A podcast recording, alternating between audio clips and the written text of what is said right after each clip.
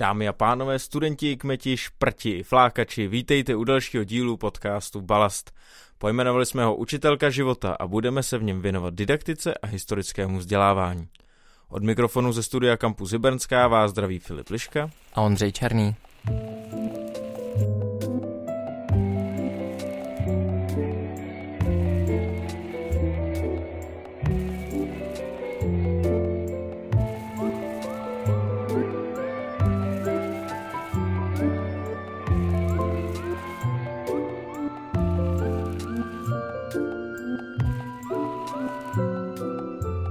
Naší první rubrice kalendárium se dozvíte, co nového se na fakultě děje. A výjima našich stálých hostů nám nový pohled nabídne nová posila Kristýna Hamplová. Děti dnes neumí dějepis. Je to pravda?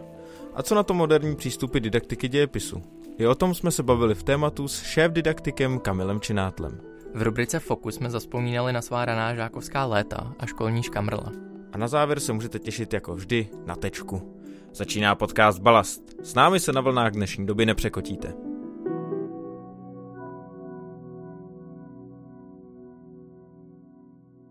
Čtvrtý díl a čtvrté kalendárium právě začíná.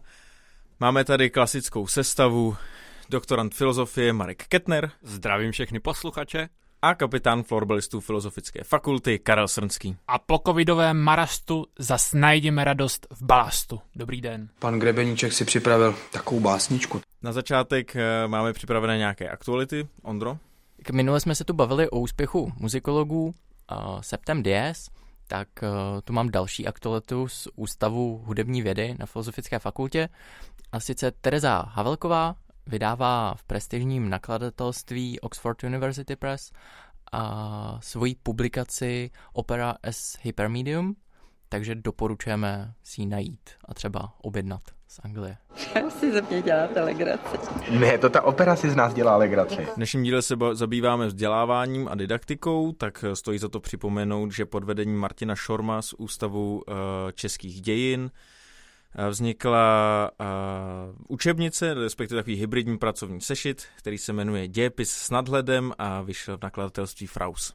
Další aktualitou je, že menu oboru na Filozofické fakultě se rozšířilo o novou položku a to jsou empirická komparativní lingvistika. Bude to nový navazující magisterský obor, na který stále můžete podávat přihlášky, a to do konce srpna a začátku září. A tento obor bude zajímavý nejen už svým jistě lákavým názvem, ale také speciální formu atestací, které budou probíhat nikoli zkouškou, ale obhajobou vypracovaného projektu. Myslíte, že je svět opravdu takový, jaký je? V, opravdu... No, leze to z vás jak z klupatý deky. Další aktualita míří za čtenáři knih nakladatelství Oikumené, kteří jsou jistě zvyklí na jejich velmi stylově vyrovnané obálky, a ti určitě budou překvapeni, když mezi jejich knihami najednou najdou komiks. A to sice komiks Tři útěky Hanach Arentové. Tak čtyřlístek má konkurenci. Co jsi to zase vynalezl, myš pulíne? Jako tradičně představitelé univerzity v čele s rektorem Zimou položili věnec u bysty Milady Horákové v Karolínu, aby uctili její památku a výročí politického procesu. Andro, já nevím, jestli bude naše posluchače zajímat, že rektor Zima položil věnec. Kdyby takhle položil funkci, to by byla teprve horká aktualita. Nemám Pánové, vy mě vůbec říci. nemáte rádi. Eh, my vás máme strašně rádi. No skutečnou horkou aktualitou je, že profesor Miroslav Petříček z Ústavu filozofie a religionistiky se stal příjemcem výzkumné podpory Donatio Universitatis Karolíné, která je udělována významným vědcům, kteří se mimořádně zasloužili o odbornou prestiž univerzity. Přehoupli jsme se do druhé půlky prázdnin a pokud už jste vyčerpali všechny knížky, které jste si chtěli přečíst za ten uplynulý rok, tak a teď už vám schází, co byste mohli číst v srpnu, tak doporučujeme magazín Smoto, který můžete najít na stránkách Filozofické fakulty, kde se naše kolegyně z oddělení vnějších vztahů Zuzana Válková baví s vybranými odborníky eh, z Filozofické fakulty. Takže určitě doporučujeme k přečtení. Já doporučuji starší díl, kde se Zuzana Válková baví s odborníkem na heraldiku a rozebírají uh, městské erby a loga.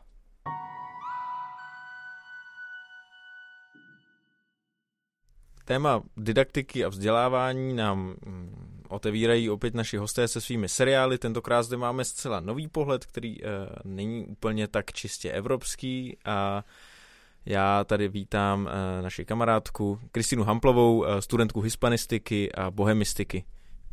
Ahoj, díky za pozvání. Já jsem sem byla pozvaná proto, abych řekla něco o Latinské Americe a je mi líto, že tohle zadání asi úplně nesplním, uvidíme. Eh, chtěla bych totiž mluvit o lodi, která nedávno přistála u břehu Galicie, eh, která se jmenuje La Montaña neboli Hora a dostalo se jí tam eh, bouřlivého přivítání. Co si kluci myslíte, že La Montaña asi tak veze? Nějaký balást. No, ne úplně. La Montaña má na palubě posádku složenou ze zapatistů a zapatistek. Zapatisté, neboli svým celým názvem Zapatova armáda národního osvobození, jsou hnutí, které se sformovalo v 80. letech na jihu Mexika. Je to převážně domorodé hnutí, které hájí práva na půdu, práva menšin, práva žen a principy autonomie a demokracie. Na území spravovaném Zapatisty v současnosti žije asi tak 300 tisíc uh, obyvatel. Zapatisté mají svoji vlastní samozprávu, svůj vlastní systém zdravotnictví i svůj vlastní systém vzdělávání. Jeden z důležitých zapatistických symbolů je symbol ulity. Odkazuje jednak k jejich majské minulosti a jednak k jejich uh, heslu, uh, které je lento pero avanzo, to znamená jdeme pomalu, protože jdeme daleko. Pro nás jakožto studenty může být uh, zapatistický projekt i celá výprava za život uh, dobrou připomínkou, že naše vzdělání se neodehrává jenom v posluchárnách. Zapatistická myšlenka zároveň představuje i alternativu k některým našim zažitým představám. Třeba o tom, že demokracie vypadá tak, že jednou za rok jdete k volbám, nebo jak často, a potom si dáte uh, rámeček o tom, že jste volili. Nebo že Pokrok se děje skrz megalomanské projekty a vizionářské jedince. V minulých dílech se tady mluvilo o Elonu Muskovi. Já už jsem minule uznal, že by to mohl být super padouch. No, tak zapatisté by možná souhlasili, jak říkám, jdeme pomalu, protože jdeme daleko. Malý krok pro člověka. Celkově pro nás zapatistická myšlenka nebo zapatistický systém může představovat zajímavou alternativu. My se v našem vzdělávání často učíme ptát, kdo, proč, co, ale málo kdy se ptáme, co kdyby. Já jsem si dneska pro svůj seriál Filozofové v krizi vzal na pomoc samotného Platóna který se v krizi nacházel, protože jeho společenství nemělo dostatečně propracovaný systém vzdělání. A Platon byl toho názoru, že lidské společenství se nachází v krizi jaksi přirozeně a musí na ní odpovídat právě systémem vzdělání. A to zapatistické lento pero avanzo platilo rozhodně i pro Platóna, který ve své ústavě patrně ve svém nejznámějším dialogu, navrhuje systém vzdělání, který trvá celých 50 let. Aby se v obci vyskytl filozof, náležitý vládce, musí projít různými stupni vzdělání, například několik let intenzivně sportovat, věnovat se matematice, hudbě, samozřejmě filozofii a celé je to zakončeno 15 lety intenzivního vzdělávání ve vojevůdcovství a válečnictví. A tím je vidět, že pojem vzdělávání pro Platóna byl velice široký a souvisí s tím například i skutečnost, že do něj patřilo i přivádění malých dětí na bojiště, aby se vzdělali v tom, jak čelit nesnázím a hrůzám života, se kterými se jistě budou setkávat. Slyšel si to, Karle, několik let intenzivního sportu? Ano, a na Platónovo sportování navážu já. A pokusím se propojit historické vzdělávání a sport a pokusím se to propojit skrze osobnost Jiřího Stanislava Guta Jarkovského, který se ovšem ale narodil jako Jiří Karel Gut.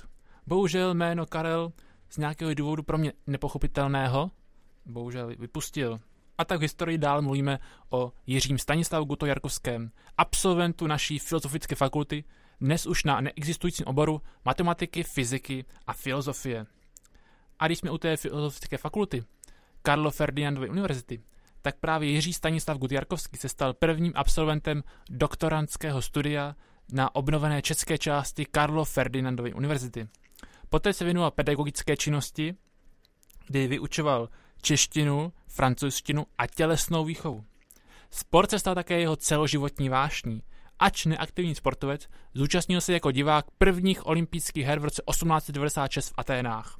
A myšlenka olympionismu ho hned natchnula.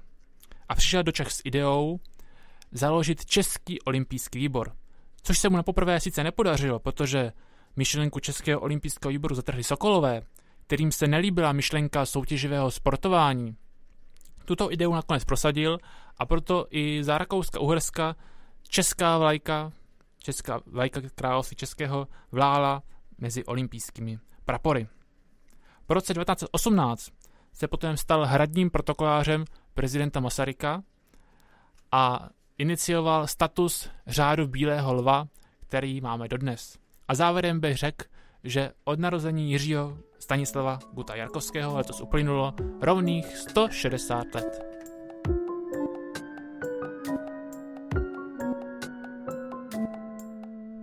Od mikrofonu vás i nadále provází Filip Liška a podcast Balast pokračuje rubrikou Téma, kde si povídáme s vybranými odborníky z půdy Filozofické fakulty. Do dnešního dílu o vzdělávání přišel pan doktor Kamil Činátl z Ústavu českých dějin, který se dlouhodobě věnuje didaktice dějepisu. V rámci své práce se snaží do českého prostředí vnášet metodologické inspirace ze zahraničí a podílí se na tvorbě řady vzdělávacích pomůcek. Dobrý den, pane doktore, a děkuji, že jste si našel čas na balast. Dobrý den a děkuji za pozvání. Pane doktore, stále děti neví, co se stalo v srpnu 1968, respektive narážím na vaše oblíbené televizní ankety před českými školami. Tak eh, já si myslím, že nelze na tuhle tu otázku úplně jednoduše odpovědět. A, ale problém je, jak naznačujete spíš v těch anketách. Jestliže někoho zastavíme na ulici a zeptáme se ho na nějaká data, tak eh, se prostě může stát, že ten člověk je vykolejený. Podle mě to není dobrý způsob, jak eh, o tom dějepisu přemýšlet. Takže já bych řekl, že obecně jakoby historické znalosti dětí může indikovat spíš třeba historická popkultura. Vidíme spoustu počítačových her, filmů a dalších formátů, které eh, tu historii v tom veřejném prostoru neustále recyklují, eh, tak by se dalo i třeba na základě téhle té skutečnosti prostě předpokládat, že eh, česká společnost ani globální společnost nějaké historické znalosti nestrácí. Takže spíš je zajímavé, kde se bere ta stále se opakující obava o tom, že ty mladší generace prostě ty znalosti nemají. Já jsem na začátku, když jsem vás představoval, tak jsem mluvil o tom, že se podílíte na řadě, eh, na řadě pomůcek historických, respektive k historickému vzdělávání. Jednou z nich je poměrně nová digitální aplikace HistoryLab. Jak tato aplikace vlastně funguje a kdo ji může využívat? Tak uh, HistoryLab je taková digitální dílna pro práci s prameny, která se snaží vlastně efektivně a funkčně využít možnosti technologií eh, k tomu, aby historické vzdělávání plnilo nějaký vyspělejší cíl, než je jenom uh, memorování faktografie, konkrétně tedy rozvoj nějakých analytických a interpretačních dovedností. A tahle ta dílna je volně přístupná na webové stránce historolab.cz a eh, je samozřejmě primárně určena učitelům základních a středních škol, ale mohou ji využívat i běžní zájemci o historii a občas ji úspěšně využívají třeba muzejní pedagogové a i další vlastně lidé, kteří se zabývají nějakým historickým vzděláváním, třeba ve veřejném prostoru a podobně. Vy se zhruba načetl, k čemu slouží a komu by měla sloužit, ale jaké přesně využívá nástroje? Co tam ten návštěvník může najít? Kritériem vývoje celé té aplikace byla právě ta efektivita a funkčnost těch eh, didaktických postupů. Jo. Proto jsme se snažili v tom širokém Eh, vývojářském týmu, za který zde mluvím, eh, vytvořit nějaké nástroje, které by opravdu propojily nějakou, řekněme, interaktivitu moderních technologií s nějakými vzdělávacími postupy, procesy, tak já budu konkrétní. Jo. Tady prostě v Histrolabu najdete nějaké nástroje, které umožňují vlastně uživateli, žákovi aby eh, jakoby hlouběji pronikl vlastně do té historické problematiky, především skrze nějakou intervenci s historickými prameny nebo s něčím, co by se mohli označit jako nějakou tedy hru tvořivou, jo? proto ta dílna. Jo? Takže třeba mohou na historické fotografii označovat body, mohou do ní kreslit, mohou do ní připojovat nějaké komentáře. Jiný typ toho nástroje je třeba řazení objektů, jo? nějaká interakce formou toho řazení a pak tam jsou různé nástroje, které se snaží podpořit přímo ty analyticko-interpretační dovednosti, jako je třeba škálování nějakých tvrzení eh, nebo přetahování nějakých tagů, pojmů, které třeba dobře vystihují podle toho žáka význam třeba nějakého obrazu nebo nějakého jiného objektu. Je jich více do těch nástrojů ještě. Ta školní výuka bývá častokrát našponovaná, nebo aspoň jak to tak slyšíme od učitelů velmi často. Jak vlastně lze History Lab aplikovat do výuky a zvládne to každý učitel? Tak eh, zkušenost s covidem uh, přináší jistý optimismus. Jo? Ten, ten lockdown v březnu 2020 a ten neplánovaný přechod do distanční výuky donutil řadu dějepisářů, kteří jinak uh, se o Historlab moc nezajímali, ho využít. A ukázalo se vlastně z těch výsledků práce v distanční výuce, že to zvládají tedy jak žáci a studenti bez nějaké jako přímé podpory prezenční učitelé, tak i učitelé, kteří e, třeba neabsolvovali nějaký prostě klasický prezenční workshop k té aplikaci. Takže já bych v tomhle ohledu byl, eh, byl vlastně celkem eh, optimista, ale eh, dotkl jste se prostě problémů, které souvisí s tou jakoby nadspaností dějepisu, že konvenčně se předpokládá, že je tam že obrovské množství látky a teď najednou si budeme hrát s nějakou aplikací ve třídě a jak, jak s počítači a tak dál a tak dál. Takže je to o tom, aby se vlastně ten učitel rozhodl, co je prostě pro něj v té výuce důležité. Jo jestli motivace těch žáků, jestli to, že kladou nějaké otázky, že je to baví, eh, že třeba v nějakém tématu se zdrží spíš koncentrovaně a dosáhnou tam nějakých jakoby hlubších výsledků, anebo tenhle ten extenzivní faktografický záběr, který je samozřejmě do značné míry jako efektivní jenom iluzivně. No my jsme se hodně bavili o tom, eh, na koho to směřuje a já bych se zeptal na tu druhou stranu. Kdo vlastně stojí za vývojem téhle aplikace? Vlastně vývoj té aplikace předcházela nějaká eh, letitá debata různých aktérů na poli historického vzdělávání o efektivitě toho vzdělávání a různých eh, efektivitě různých eh, pomůcek, modelově třeba učebně z dějepisu. Z toho vykrystalizoval v roce 2015 projekt do výzvy Omega Technologické agentury České republiky, ve kterém se schromáždila skupina institucí, které to téma zajímalo eh, a na to pak navázal další projekt, který skončil teď v roce 2021 a to současné konsorcium tvoří Pedagogická fakulta UK, Ústav pro studium totalitních režimů, eh, Ústav pro soudobé dějiny Akademie věd Masarykův ústav, nakladatelství Fraus a Antikomplex zapsaný spolek, takže je tam vlastně i nevládní sektor přítomný a, a neformálně podporuje třeba vývoj Historiolabu Český rozhlas. 1. září už nám klepe na dveře, tak vlastně můžeme jenom vřele doporučovat History Lab. Ale uh, vy vlastně už musíte mít za ten rok uh, teďka proběhlý řadu nějakých reflexí nebo feedbacků k tomu samotnému uh, té aplikaci od učitelů. Co byste tak vytáhl, takové tři, řekněme, body, které si myslíte od těch učitelů, které můžou mm, postrčit i v ostatní k tomu, aby History Lab začali využívat? Určitě bych zmínil uh, nějakou netradiční zkušenost uh, s žáky, s žákyněmi, které má ten učitel nějak jako stereotypiz- stereotypizovaně usazené.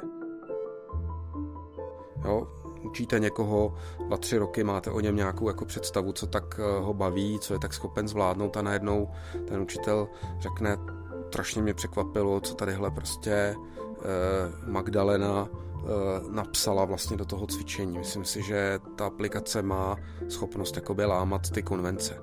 Eh, tak to je eh, jeden pozitivní efekt. Pak opravdu velmi silně se opakuje ten motivační rozměr, to, že to žáky baví a že najednou začínají formulovat otázky, což si myslím, že je pro učitele nejen dějepisu jakoby klíčový kapitál, že když se děti na něco zeptají, že jo, tak pak daleko s nás se naváže třeba i tím tradičním frontálním výkladem.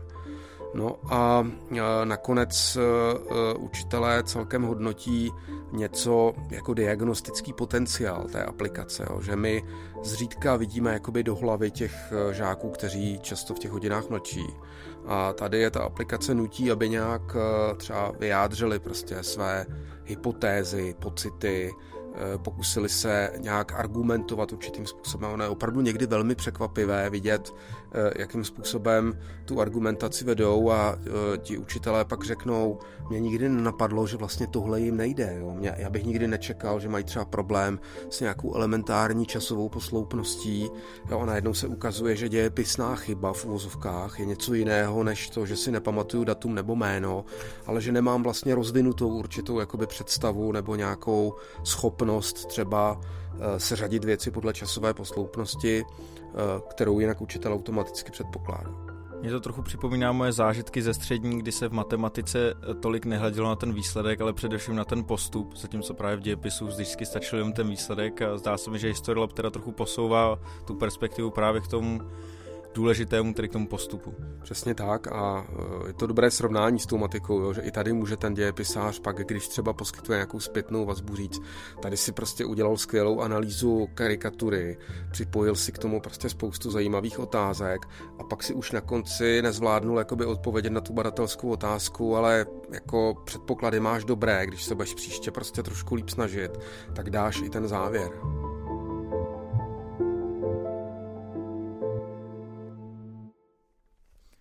My už jsme se toho Lehoulince dotkli, uh, vy jste mluvil o tom memorování a tak dále.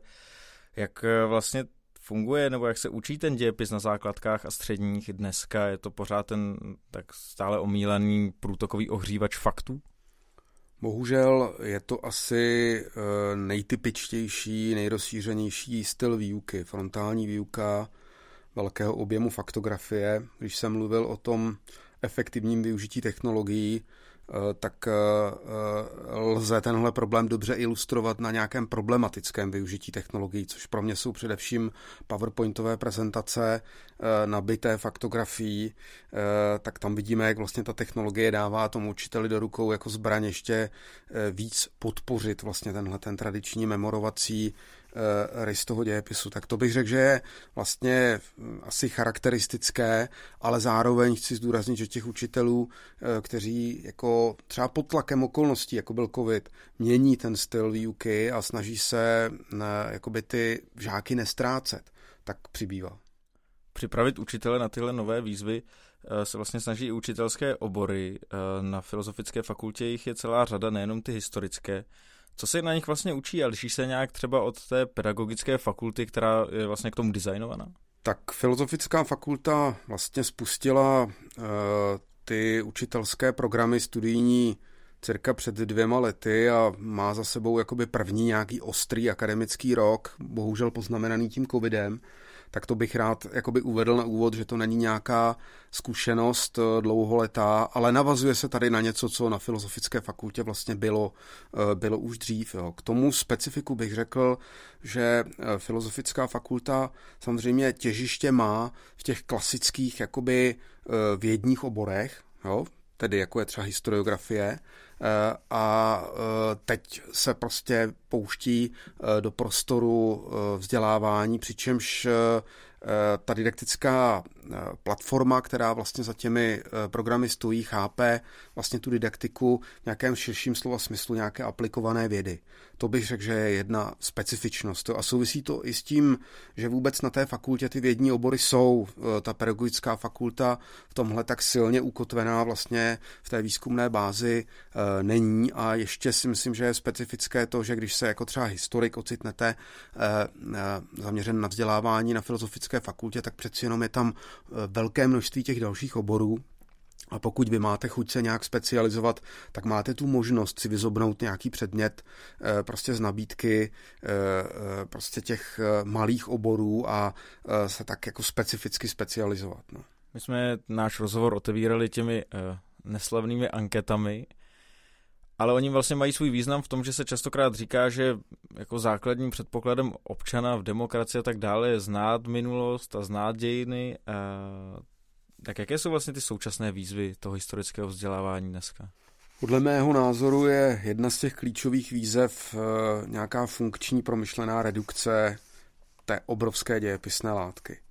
Já si myslím, že každý, kdo sleduje nějaké veřejné debaty, tak musí souhlasit s tím, že Eh, prostě by škola třeba měla vybavit eh, dnes žáky nějakou třeba elementární znalostí nějaké blízkovýchodní eh, problematiky, aby se lidé vůbec orientovali alespoň základním způsobem v debatách, které se dneska vedou. To znamená, ten objem toho, co by se potenciálně mělo v dějepise nebo třeba v občance jako učit, stále narůstá a ty předměty samozřejmě nejsou nafukovací. Další výzva souvisí s tím, že vedle znalostí, které jsou samozřejmě nezbytné, by se ten vzdělávací proces měl zaměřovat i na rozvoj nějakých dovedností, které jsou třeba nějak explicitně pojmenované, je o tom nějaký elementární koncenzus při nejmenším na té dané škole, co chceme rozvíjet a proč.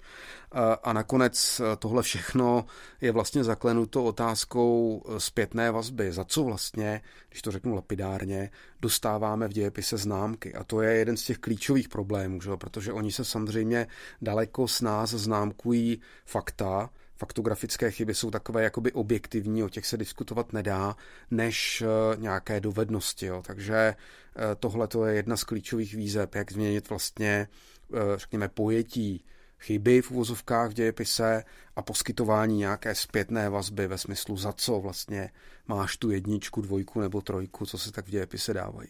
To se tak načrtl ty problémy a tu problematiku, která s tím souvisí. Jak vlastně Jaké existují nové přístupy v té didaktice dějin, které můžou tady ty problémy pomoct vyřešit, respektive kam by se mělo to české školství posunout v tomhle ohledu? Je pestrá škála eh, alternativ. Myslím si, že učitel a škola, eh, kteří chtějí dějepis nějak měnit, tak mají dneska spoustu možností, jak to dělat a Zmíním třeba projekt Krajina za školou, antikomplexu, už eh, věc starou víc než 10 let, založenou na jednoduchém principu.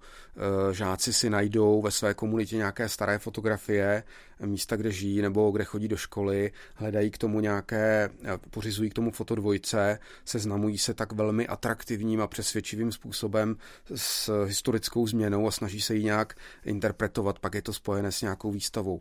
Další příklad, třeba příběhy našich sousedů post Bela, což je projekt, který je třeba zajímavý tou šíří sítě zapojených škol a uh, zrovna ten minulý týden jsem seděl, nebo jsem byl na prezentaci jednoho jeho českého e, bloku těch výstupů a je to opravdu jako skvělé, jak tam ten mezigenerační dialog funguje, jak zase přináší nějaké jako podněty, které potom může ten učitel proměnit vlastně v té další navazující výuce. Tady vznikne nějaká silná vazba, tady si žáci uvědomí, proč je vlastně ta historie jakoby důležitá, co jim může, co jim může dát a pak to může fungovat i v té další výuce. Tak eh, to je nějaký směr, kam má smysl dějepis posouvat a tenhle posun pak může vyřešit i ty výzvy, o kterých jsme mluvili před chvílí, tedy ten jednostranný příklon faktografii, neschopnost redukovat, problémy se zpětnou vazbou, nejistota ohledně toho, co jsou vlastně ty dovednosti, které máme rozvíjet. Na závěr eh, my vždycky pokládáme našim hostům takovou reflexivní otázku. K čemu slouží humanitní vědy v kontextu této problematiky, problematiky didaktiky dějepisu a co nám vlastně nabízejí?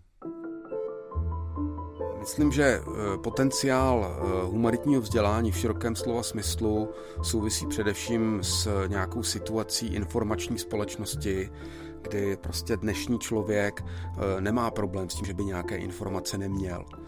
Má problém s tím, že informací má obrovské množství a to na něj klade vlastně specifické nároky, aby byl schopen ty informace nějakým způsobem třídit, ať už z hlediska nějaké relevance nebo třeba eh, jejich eh, pravdivosti.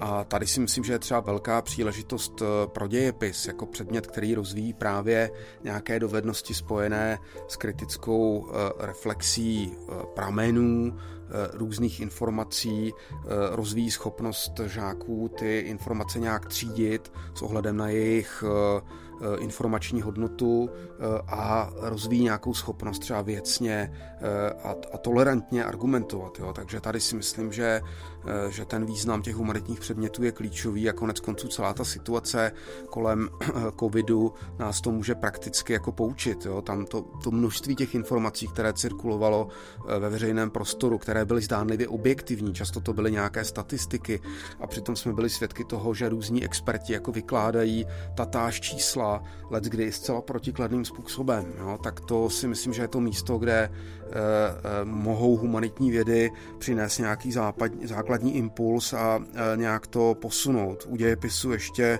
si myslím, že to souvisí s tím, že vedeme-li dneska nějaké často ostré debaty o kulturních tématech, o e, identitách ve veřejném prostoru, tak e, historie nám může posloužit prostě jako referenční plocha pro nějakou věcnější debatu, jo, protože e, ty historické identity nejsou často tak konfliktní a můžou rozvíjet nějakou naší schopnost jako rozumět sami sobě dneska v těch jakoby dynamických, dynamických debatách. Takže Eh, ta jinakost historií zprostředkovaná může být někdy velmi neocenitelnou zkušeností, eh, která se pak přenese do nějaké, řekněme, kultivovanější podoby těch debat dnes. A jestli můžu, ještě bych připojil jednu věc.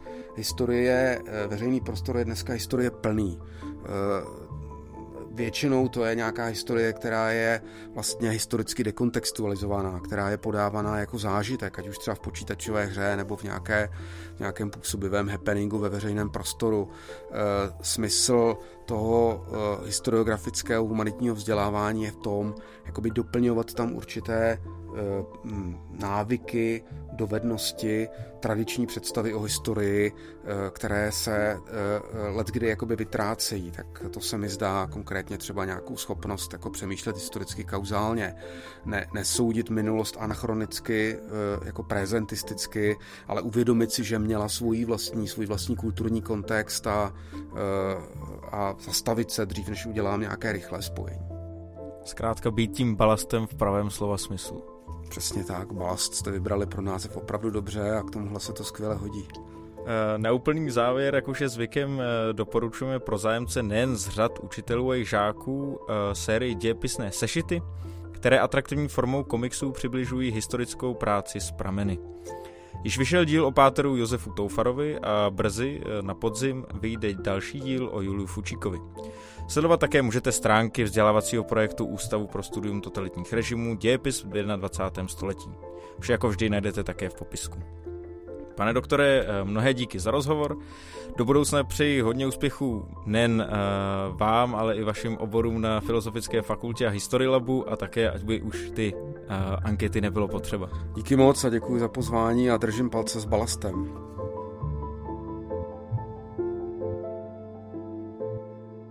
Podcast Balast nezastavuje.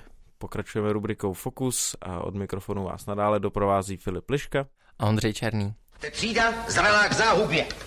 Třída násilníků a plesových hrváčů. Pero. Ale za to ode dneška vám neprominu ani pít. Například Věta Kosínová. Pošusta. Věta Kosinová. Zní? Věta Kosinová zní. Nevíte. Sedněte nedostatečnou. Peterka? Co je, čemu? Jsi vyvolaný. Nějaká věta Kosínova. Co? Tak mi to? Kosínova. Kosinová věta zní. Lomikare, lomikare, zvutě na boží soud. Ale... No tak dál. Hince hukáže. tak. Hukáže. Já ti taky ukážu, ale v konferenci. Filipe, ty jsi jako student historie musel na škole dějepis milovat, viď? Je to pravda, já jsem ho měl hodně rád, byl to můj oblíbený předmět, uh, do určitý míry navzdory učiteli, který byl uh, takový jako ze staré školy a vlastně třeba 90% lidí na té škole ho fakt nesnášel, nebo jako žáků a žákyň, ale já jsem ho měl, já jsem patřil k tých 10%, který ho vlastně jakoby ironicky milovali, nebo ho měli fakt rádi, protože on byl jako trochu divný, ale zároveň jako proto jsme ho měli rádi. A já jsem měl jako hodně dobrou paměť, nebo snad ještě pořád mám, a takže mi ten dějepis docela šel, protože jsem si všechny ty data a tak dále pamatoval poměrně jednoduše a vím, že jsem jako častokrát radil svým kamarádům, častokrát až tak bizárně, že jeden můj nedoslýchavý kamarád, co seděl hned vedle mě, uh, tak jsem se mu snažil poradit uh, jméno jedné uh, slavné bitvy v Tichomoří za druhé světové války, Guadalcanal, a on to nebyl schopný slyšet a říkal, co? Co? A já jsem to skoro už křičel, uh, už jsem to říkal tak nahlas, že i kamarád o tři levice dál říkal, jo, bezva, díky. A ten můj kamarád to stejně nakonec napsal blbě a dostal čtyřku nebo něco takového. Jak se učil dějepis u tebe, Ondro? Já jsem měl asi velký štěstí, že jsem patřil uh, k těm lidem, co měli štěstí na učitele. A my jsme oproti jako klasický výuce, té frontální, uh, měli tak, nebo náš učitel měl prostě takový odlišný styl, než asi úplně běžnou klasickou frontální výuku, kdy vlastně sice přednášel, byla to vlastně taky frontální výuka, nebylo to jako způsobem nějakého semináře, ale vlastně to celou ty dějiny probíral jako nějaký příběh a vlastně vždycky jako část odvyprávěl a na základě toho jako jsme si něco napsali, uh, něco málo, ale že vlastně jako by to hlavní, v čem to leželo, byl prostě jako ten příběh, který on vyprávěl a což stálo za to a bylo to fakt jako, myslím, že to díky tomu měl potenciál pak jako oslovit i ty studenty, který by třeba dějepis s tou klasickou frontální výukou neoslovil, nebo minimálně většina třeba uh, lidí u nás, a jak jsi říkal, že byl tvůj učitel neúplně oblíbený, tak u nás bylo zase naopak, že vlastně dějepis nebyl předmět, který by nikdo nesnášel, což je vlastně ve školství docela úspěch. No a jak vlastně se díváš ty e, na dějiny, nebo respektive vzhledem k tomu, že studuješ, vzhledem k tomu, že je to uh, i tvůj koníček. Jak se díváš na tu výuku dějin, kdy to vlastně třeba, nebo kdy to stojí vlastně na faktech, že to je, nebo kdy to stojí jenom na datech, kdy vlastně jako se učíš tehdy a tehdy se stalo to a to. Tak ono, ono se to dneska jako poměrně kritizuje, tenhle přístup a jako říkám, po tom, co jsem zažil já, tak jako to opravdu bylo hodně úmorný a vlastně uh, jenom proto, že mě to nějakým způsobem zajímalo, tak jsem se to hodně naučil, ale jako třeba jako většina té třídy, tím to bylo úplně jedno, takže jako v ten moment, kdy bylo po testu, jako to zapomněli a možná ještě ani na ten test se neučili, protože prostě to pro ně bylo jako nezajímavý. A, takže v tomhle to vlastně, je to vlastně trochu nešťastný. Já jsem jako za to vlastně trochu rád, že jsem tím prošel, mám s tím zkušenost s tou jako fakt tuhou faktografickou výukou. Zároveň mi to vlastně dalo nějaký faktografický background, za který jsem vděčný uh, dneska.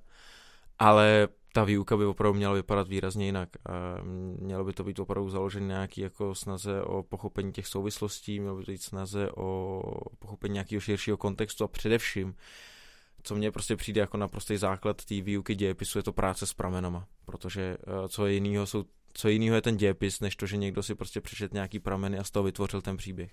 My potřebujeme prostě vědět a naučit se, jak pracovat s těma pramenama. A to pak může být, uh, to pak může být velkou inspirací pro to, jak pracovat v dnešní době uh, s médiama a tak dále. Jo? Jak prostě jako celkově nastartovat nějaký kritický myšlení a o těch věcech přemýšlet právě v nějakých kontextech a souvislostech. A Ondro, který období bylo tvoje oblíbený, jako, který jsi se rád učil ve škole? Já jsem jako obecně, eh, dějepis byl jako jeden z mých nejoblíbenějších předmětů celou vlastně celou školní docházku, takže uh, jsem jako hltal spoustu věcí, ale vlastně se to postupně posouvalo. Když jsem byl na základce, tak jsem se věnoval hlavně jako středověku a uh, to bylo jako to gro, který mě nejvíc zajímalo.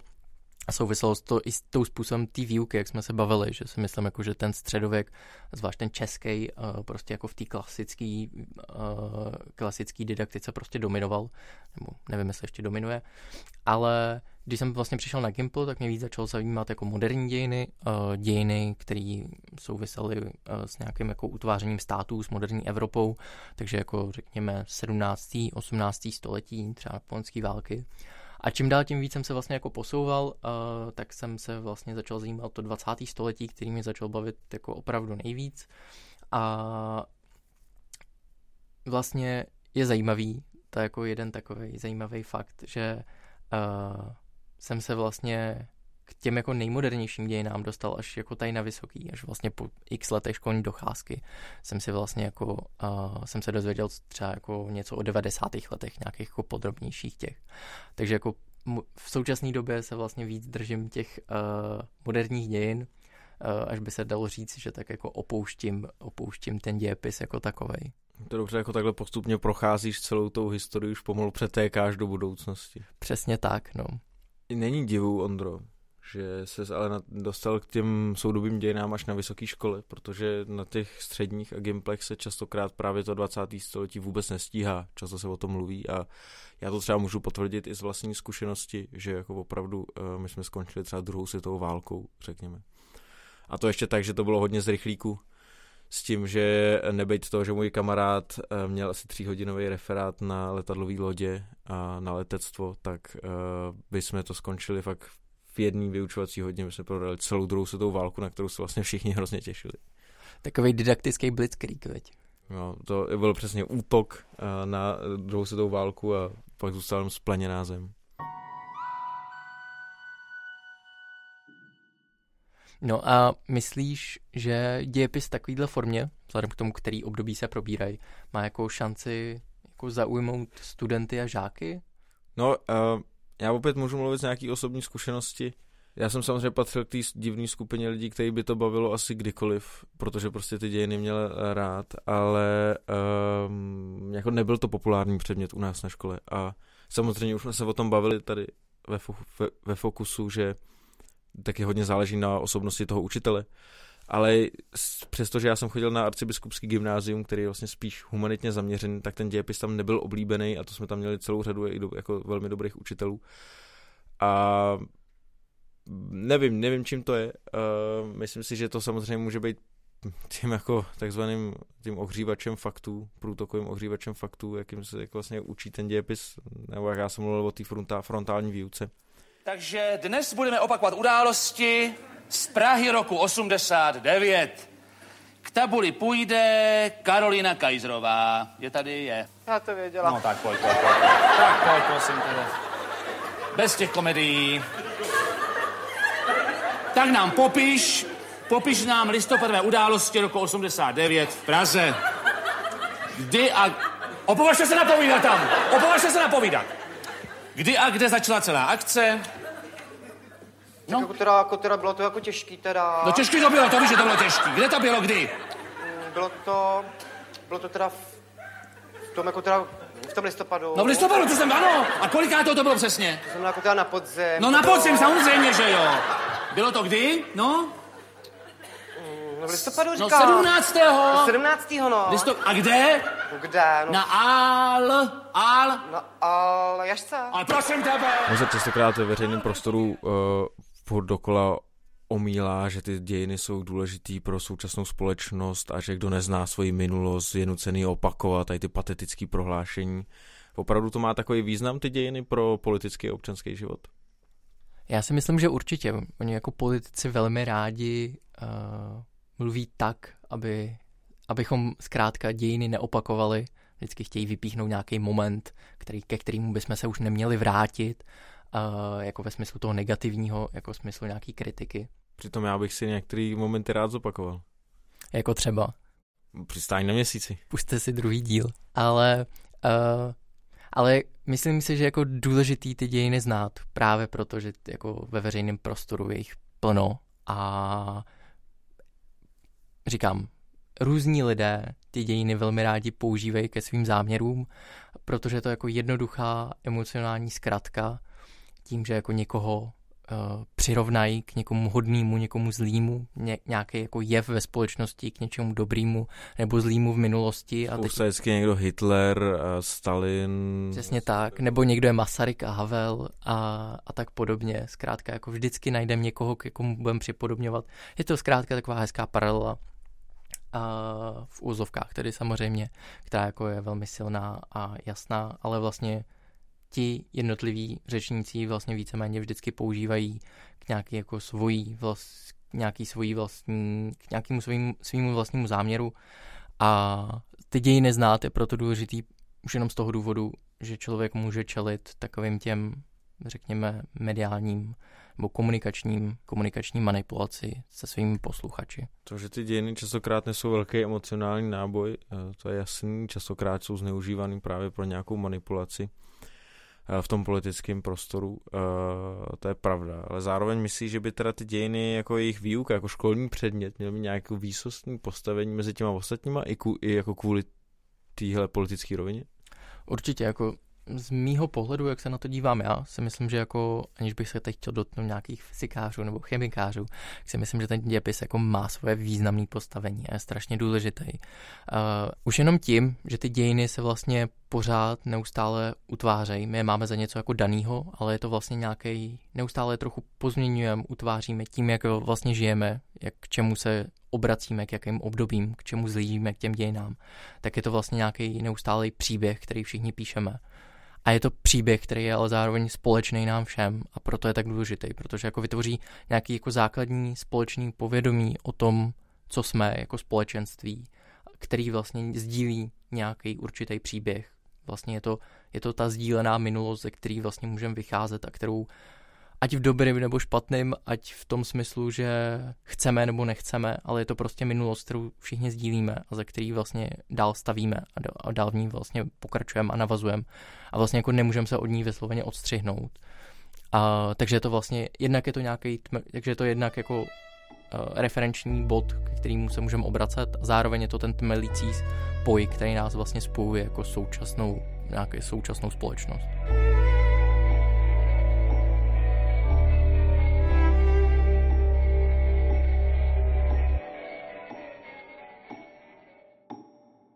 Na závěr se v Tečce pojďme zastavit u fenoménu českých dovolených. Archiv Českého rozhlasu nabízí k tomuto tématu řadu zvuků, které stojí za to.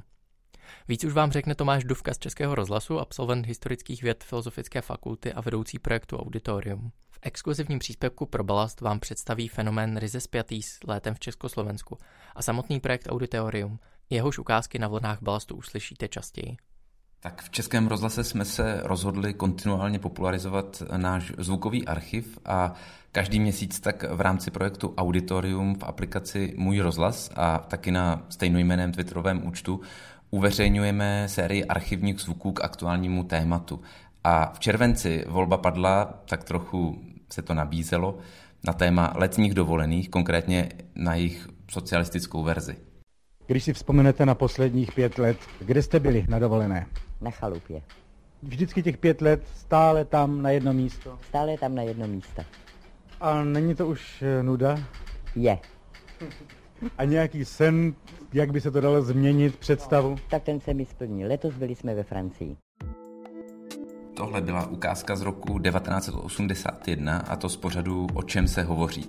Tématem dílu se stalo, jak jste měli možnost slyšet, chataření a chalupaření, a to především v souvislosti s nedostatkem lůžkových kapacit v Československu. Pojďme si ale k tomuhle fenoménu chat, chalup, eh, říct něco blíž. Tak kdybychom měli vypočítat nějaké hlavní faktory, proč chataření a chalupaření se zrodilo v 60. letech, pak bychom dospěli asi k číslu 5. Tím prvním a klíčovým faktorem je touha po kontaktu s přírodou, která je jakýmsi, jakousi reakcí a logickou odpovědí na postupnou industrializaci. Druhým faktorem je pak málo obydlené pohraničí, což, je nás, což byl následek odsunu německého obyvatelstva. Když se podíváme dále na třetí faktor, tak můžeme říct, že také narůstal v 60. letech volný čas Čechů a Slováků, protože od roku 64 měli zaměstnanci v Československu jednu volnou sobotu měsíčně, od roku 66 dvě a nakonec od 29. září 1968 byly volné všechny soboty až na výjimky a prodlužovala se i dovolená. No nesmíme zapomenout taky na masivní motorizaci, která začala v roce 1964 v Mladé Boleslavi, kde zahájil výrobu, zahájila výrobu Škoda 1000 MB. Spolu s tím se zlepšovala i dopravní infrastruktura jako celek. No a pak je zde pátý klíčový faktor a ten je samozřejmě nespochybnitelný a možná nejdůležitější a to je období normalizace, které pro mnoho lidí znamenalo konec nejen nadějí na svobodnější život, ale i na nemožnost eh, uplatnit se v profesním životě. Takže v té době obliba chat a chalup eh, vystřelila do nebývalé výše díky úsporám, které lidi měli a samozřejmě i s tím, že se přestalo jezdit tolik do zahraničí jako v 60. letech a a vracíme se zpátky k tomu našemu úvodnímu zvuku. Souviselo to i s neodpovídajícími kapacitami zařízení pro turisty v Československu. Ale nezůstaňme jenom u relaxace obyvatel měst, pojďme se nakonec a na závěr ještě podívat na opačnou stranu, barikády řekněme. Pro družstevní rolníky se ta správná dovolená totiž vyznačovala přesně opačně. Tak pro nás, pro nás, pro všecky, je Praha, jak když trochu nedosažitelná.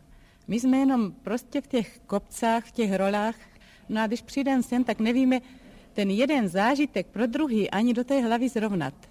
V aplikaci Můj rozhlas si pod pořadem Auditorium můžete seriál Čas minulých dovolených pustit celý. Kromě normalizační analýzy fenoménu chalupaření. V něm můžete slyšet svědectví jednoho z mosteckých horníků, který v roce 49 poprvé vyrazil na zahraniční rekreaci do Maďarska, anebo rady československým turistům, eh, kteří eh, v 70. letech mířili na Rujánu. Autorem seriálu je rešeršista Miroslav Tomek, který k němu napsal i článek, eh, dávající ty archivní zvuky do historického kontextu a ostatně právě z něj jsem čerpal pro účely dnešního dílu Balastu a najdete ho na stránce témata.rozhlas.cz lomeno archiv, stejně jako výběr vhodné literatury, která se k tématu hodí. Tento článek eh, napsala naše kolegyně Jana Žáková z knihovny Českého rozhlasu. A pokud bych měl na závěr zmínit jednu knihu Chatařině a chalupaření, kterou byste neměli minout, Vybírám tu od Petry Schindler-Wisten o chalupách a lidech, kterou v roce 2017 vydalo nakladatelství Karolín. Tak to bylo z tohoto dílu podcastu Balast všechno. Na nový díl se můžete těšit za měsíc. V září se budeme zabývat Českou ústavou. Mezitím nás sledujte na sociálních sítích, Facebooku, Instagramu a Twitteru. A kdykoliv nám můžete napsat na naši oficiální adresu balastzavináčff.cuny.cz. Těšíme se na vás opět první pondělí v měsíci.